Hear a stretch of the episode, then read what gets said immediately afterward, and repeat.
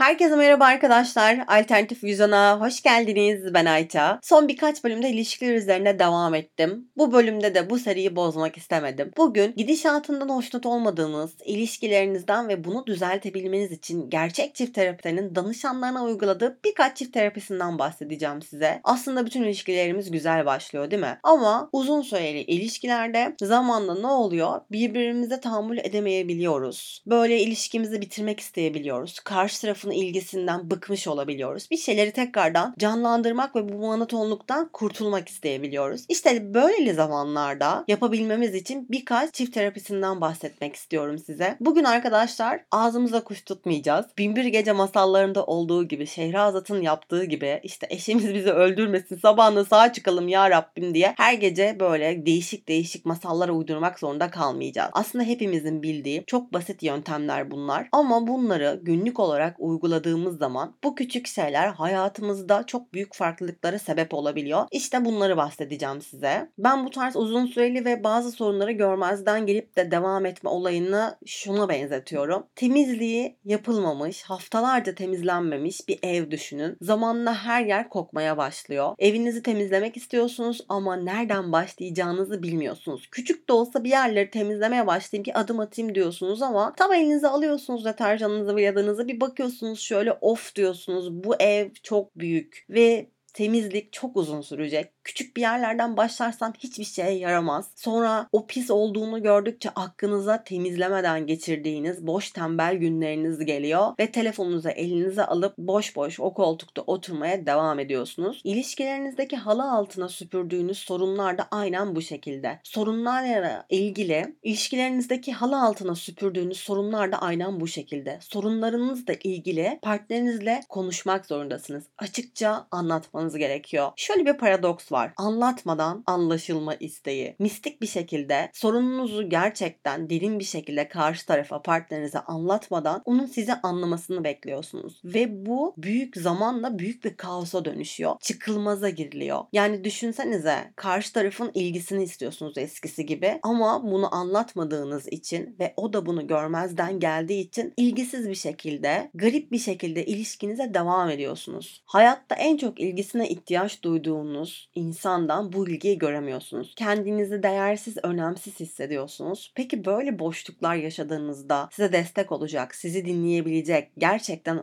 ama dinleyebilecek birisi yoksa ve bu sorunla baş başa kaldıysanız ne oluyor biliyor musunuz? Kendinize olan öz saygınız yitiriliyor. Düşünsenize öz saygınız yok ve bunun farkında değilsiniz. O saatten sonra başınıza gelebilecek herhangi bir sorunu ifade edip çözme konusunda zorlanmalar yaşamaya başlıyorsunuz. Sorunlarınızı içinizde yaşamaya başlıyorsunuz çünkü. Eğer böyle durumlarda iseniz bu ilişkiyi devam edip ettirmemekle ilgili radikal bir karar almanız gerekiyor. Söylediğimiz bu yöntemlerle ilgili çok fazla ileriye gidemeyebilirsiniz. Yani bu hikayenin sonuna eğer getiremiyorsanız, size zarar verdiğini düşünüyorsanız farklı bir şekilde ilerlemeniz gerekir. Amerikalı psikolog ve çift terapisti Justin Cayeno, ünlü birisi, diyor ki bir çift ne kadar uzun süre birlikte olursa ilişkilerini geliştirmek için o kadar fazla çaba harcaması gerekir. Yani siz ilişkinizi ne kadar çok tükettiyseniz ya da ilişkinizin süresi, birlikte olma zamanınız ne kadar fazlaysa o kadar da çok uğraşmanız gerekiyor. Bunu hazır olmalısınız. Ve çok basit bir yöntem söylüyor bize. Gün içerisinde en stresli, en sinirli ve en üzgün olduğunuz anda diyor partnerinizi arayın. Hiçbir şey söylemeseniz bile sesin duymak istediğini söyleyin. Adam şok. Adam diyecek ya biz bu hatunla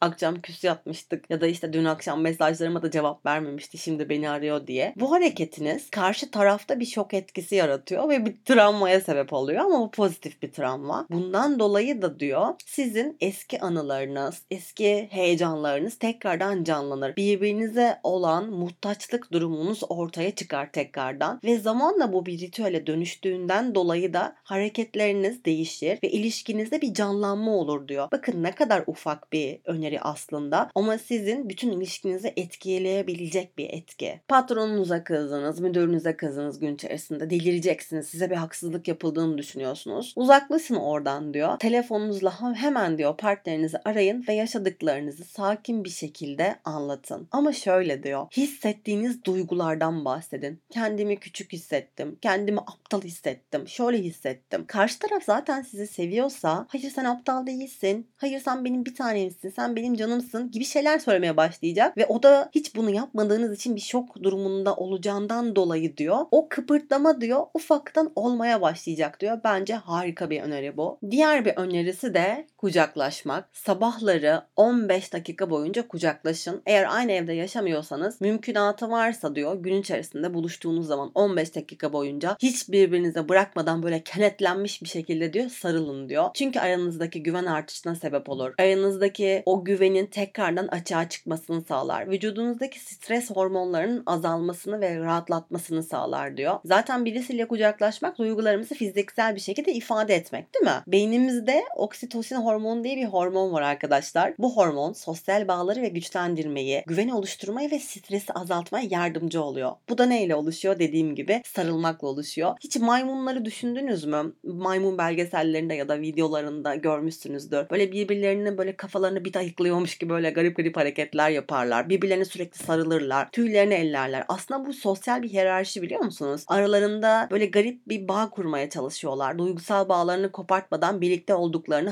hatırlatmaya çalışıyorlar ve onlarda da bir stres durumu var. O stres durumunun da yok olması için böyle hareketler yapıyorlarmış. O zaman biz de bunu yapabiliriz diye düşünüyorum. Carino'nun çift terapisinde önerdiği diğer bir şey de umutlarınız ve hayalleriniz hakkında diyor konuşun. Unutmuş olduğunuz hayalleriniz hakkında konuşun. Neden yapamadığınız, neden bu umutlardan vazgeçtiğinizi, hayallerinizi bir kutuya koyup kaldırdığınızı tekrardan konuşun diyor. Ama diyor bunları konuşurken hiç gitmediğiniz bir kafeye, hiç gitmediğiniz bir restoranta gidin diyor. Yani her zaman gittiğiniz bir yere ya da evin içerisinde bunları konuşmayın diyor. Neden peki? Neden başka bir yer? Çünkü bize ne olmuştu? İlişkimizden bıkmıştık değil mi? Sıkılmıştık. Gelişmeler lazımdı bize. Bu yüzden arkadaşım hayallerinizi ve umutlarınızı konuşurken ilk kez gideceğiniz mekanlarda olmalı diyor. Meraklı gözlerle etrafa bakarken içtiğiniz kahve için acaba burası bu Americano'yu da nasıl yapmış ekşi mi tatlı mı diye düşünürken diyor farklı şeyler hissedersiniz. Başka bir yerde olduğunuzu fark edersiniz. Ve böyle bir fark içerisindeyken umutlarınızdan ve yitirmiş olduğunuz o hayallerinizden bahsederseniz diyor ilişkinizin ilk günlerine ve o duygulara tekrardan sahip olabilirsiniz diyor. İşte ne oldu bize ya dersiniz. Niye böyle olduk? Ne güzeldi eskiden her şey. Ortak isteklerimiz, ortak hedeflerimiz vardı bize. Şimdi neden böyle olduk gibi sorularla tekrardan diyor bu sorunlarınızı çözebilirsiniz. Yani iki kişinin de içinde derinlere gömülmüş bir kıpırdama var. Bu kıpırdamayı diyor tekrardan yukarıya çıkartabilirsiniz.